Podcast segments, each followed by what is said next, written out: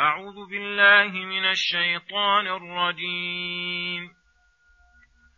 يا أيها الناس ضرب مثل فاستمعوا له. إن الذين تدعون من دون الله لن يخلقوا ذبابا ولو اجتمعوا له. وإن يسلبهم الذباب شيئا لا يستنقذوه منه ضعف الطالب والمطلوب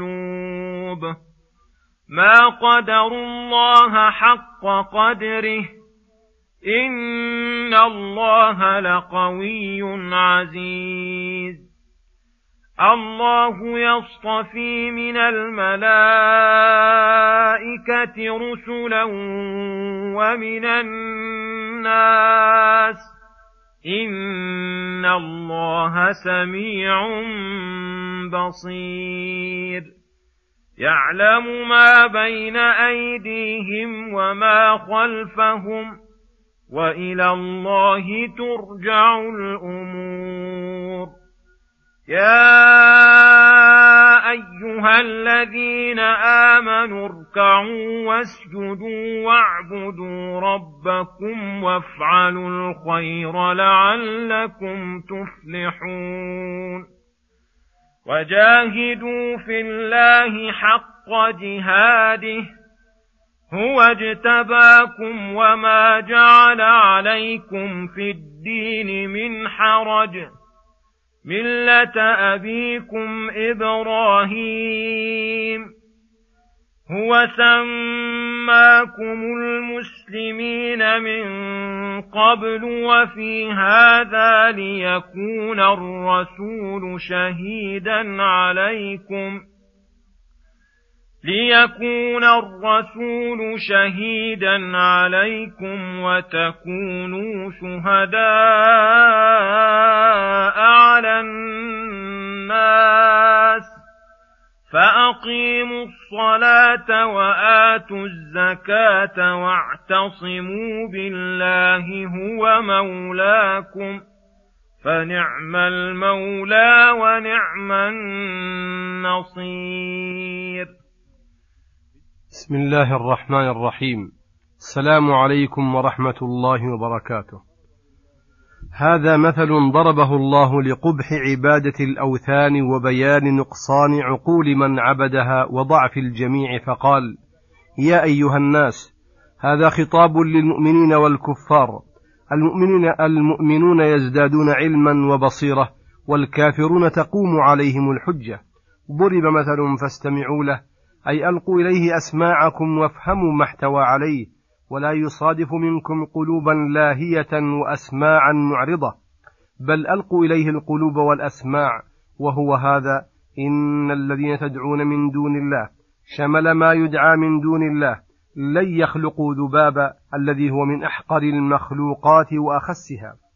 فليس في قدرتهم خلق هذا المخلوق الضعيف فما فوقه من باب أولى ولو اجتمعوا له بل أبلغ من ذلك. وإن, يس وإن يسلبهم الذباب شيئا لا يستنقذوه منه. وهذا غاية ما يصير من العجز. ضعف الطالب الذي هو المعبود من دون الله والمطلوب الذي هو الذباب فكل منهما ضعيف. وأضعف منهما من يتعلقون بهذا الضعيف وينزلونه منزلة رب العالمين. فهؤلاء ما قدروا الله حق قدره حيث سووا الفقير العاجز من جميع الوجوه بالغني القوي من جميع الوجوه سووا من لا يملك لنفسه ولا غيره ولا لغيره نفعا ولا ضرا ولا موتا ولا حياة ولا نشورا بمن هو النافع الضار المعطي المانع مالك الملك والمتصرف فيه بجميع أنواع التصريف. إن الله لقوي عزيز أي كامل القوة كامل العزة ومن كمال قوته وعزته أن نواصي الخلق بيديه وأنه لا يتحرك متحرك ولا يسكن ساكن إلا بإرادته ومشيئته فما شاء الله كان وما لم يشأ لم يكن. ومن كمال قوته أن يمسك السماوات والأرض أن تزولا ومن كمال قوته أنه يبعث الخلق كلهم أولهم وآخرهم بصيحة واحدة. ومن كمال قوته أنه أهلك الجبابرة والأمم العاتية بشيء يسير وسوط من عذابه. ثم يقول سبحانه الله يصطفي من الملائكة رسلا ومن الناس إن الله سميع بصير. لما بين تعالى كماله وضعف الأصنام وأنه المعبود حقا بين حالة الرسل وتميزهم عن الخلق بما تميزوا به من الفضائل فقال الله يصطفي من الملائكة رسلا ومن الناس أي يختار ويجتبي من الملائكة رسلا ومن الناس رسلا يكونون أزكى ذلك النوع وأجمعه لصفات المجد وأحقه بالاصطفاء فالرسل لا, فالرسل لا يكونون إلا لا يكونون إلا صفة الخلق على الإطلاق. والذي والذي اختارهم واجتباهم ليس جاهلا بحقائق الأشياء أو يعلم شيئا دون شيء وأن المصطفي لهم السميع البصير الذي قد أحاط علمه وسمعه وبصره بجميع الأشياء. فاختياره إياهم عن علم منه أنهم أهل لذلك وأن الوحي يصلح فيهم كما قال تعالى الله أعلم حيث يجعل رسالته. وإلى الله المصير أي هو يرسل الرسل يدعون, يدعون الناس إلى الله فمنهم المجيب ومنهم الراد لدعوتهم ومنهم العامل ومنهم الناكل فهذا وظيفة الرسل. وأما الجزاء على تلك الأعمال فمصيرها إلى الله فلا تعدوا منه فضلا وعدلا. ثم يأمر تعالى عباده المؤمنين بالصلاة وخص منها الركوع والسجود لفضلهما وركنيتهما وعبادته التي هي قرة العيون وسلوة القلب المحزون وأن ربوبيته وإحسانه على العباد يقتضي منهم أن يخلصوا له العبادة ويأمرهم بفعل الخير عموما. وعلق تعالى الفلاح على هذه الأمور فقال لعلكم تفلحون أي تفوزون بالمطلوب المرغوب وتنجون من المكروه المرهوب. فلا طريق للفلاح سوى الإخلاص في عبادة الخالق والسعي في والسعي في نفع عبيده. فمن وفق ذلك فله القدح المعلى من السعادة والنجاح والفلاح. وجاهدوا في الله حق جهاده والجهاد بذل الوسع في حصول الغرض المطلوب. فالجهاد في الله حق جهاده هو القيام التام بأمر الله ودعوة الخلق إلى سبيله بكل طريق موصل إلى ذلك. من نصيحة وتعليم وقتال وأدب وزجر ووعظ وغير ذلك. هو اجتباكم. أي اختاركم يا معشر المسلمين من بين الناس. واختار لكم الدين ورضيه لكم واختار لكم أفضل الكتب وأفضل الرسل. فقابلوا هذه المن... فقابلوا هذه المنحة العظيمة بالقيام بالجهاد في حق الجهاد حق القيام.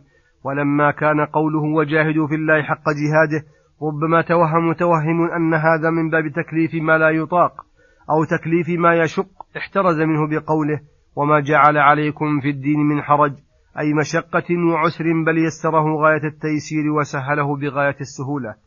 فأولا ما أمر وألزم إلا بما هو سهل عن النفوس لا يثقلها ولا يؤودها.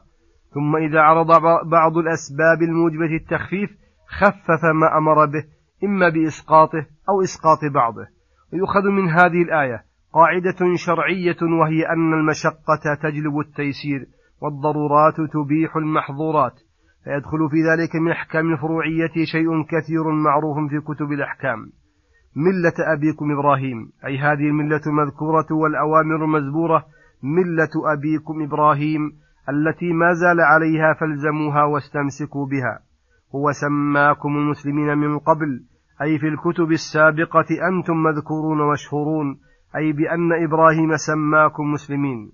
وفي هذا أي هذا الكتاب وهذا الشرع أي ما زال هذا الاسم لكم قديما وحديثا ليكون الرسول شهيدا عليكم بأعمالكم خيرها وشرها وتكونوا شهداء على الناس لكونكم خير أمة خرجت للناس أمة وسطا عدلا خيارا. تشهدون للرسل أنهم بلغوا أممهم. وتشهدون على الأمم أن رسلهم بلغتهم بما أخبركم الله به في كتابه. فأقيموا الصلاة بأركانها وشروطها وحدودها وجميع لوازمها. وآتوا الزكاة المفروضة لمستحقها شكرا لله على ما أولاكم. واعتصموا بالله أي امتنعوا به وتوكلوا عليه في, في, في ذلك ولا تتكلوا على حولكم وقوتكم. هو مولاكم الذي يتولى أموركم فيدبركم بحسن تدبيره ويصرفكم على أحسن تقديره فنعم المولى ونعم النصير. أي نعم المولى لمن تولاه فحصل له مطلوبه ونعم النصير لمن استنصره فدفع عنه المكروه. وصلى الله وسلم على نبينا محمد وعلى آله وصحبه أجمعين. وإلى الحلقة القادمة غدا إن شاء الله. والسلام عليكم ورحمة الله وبركاته.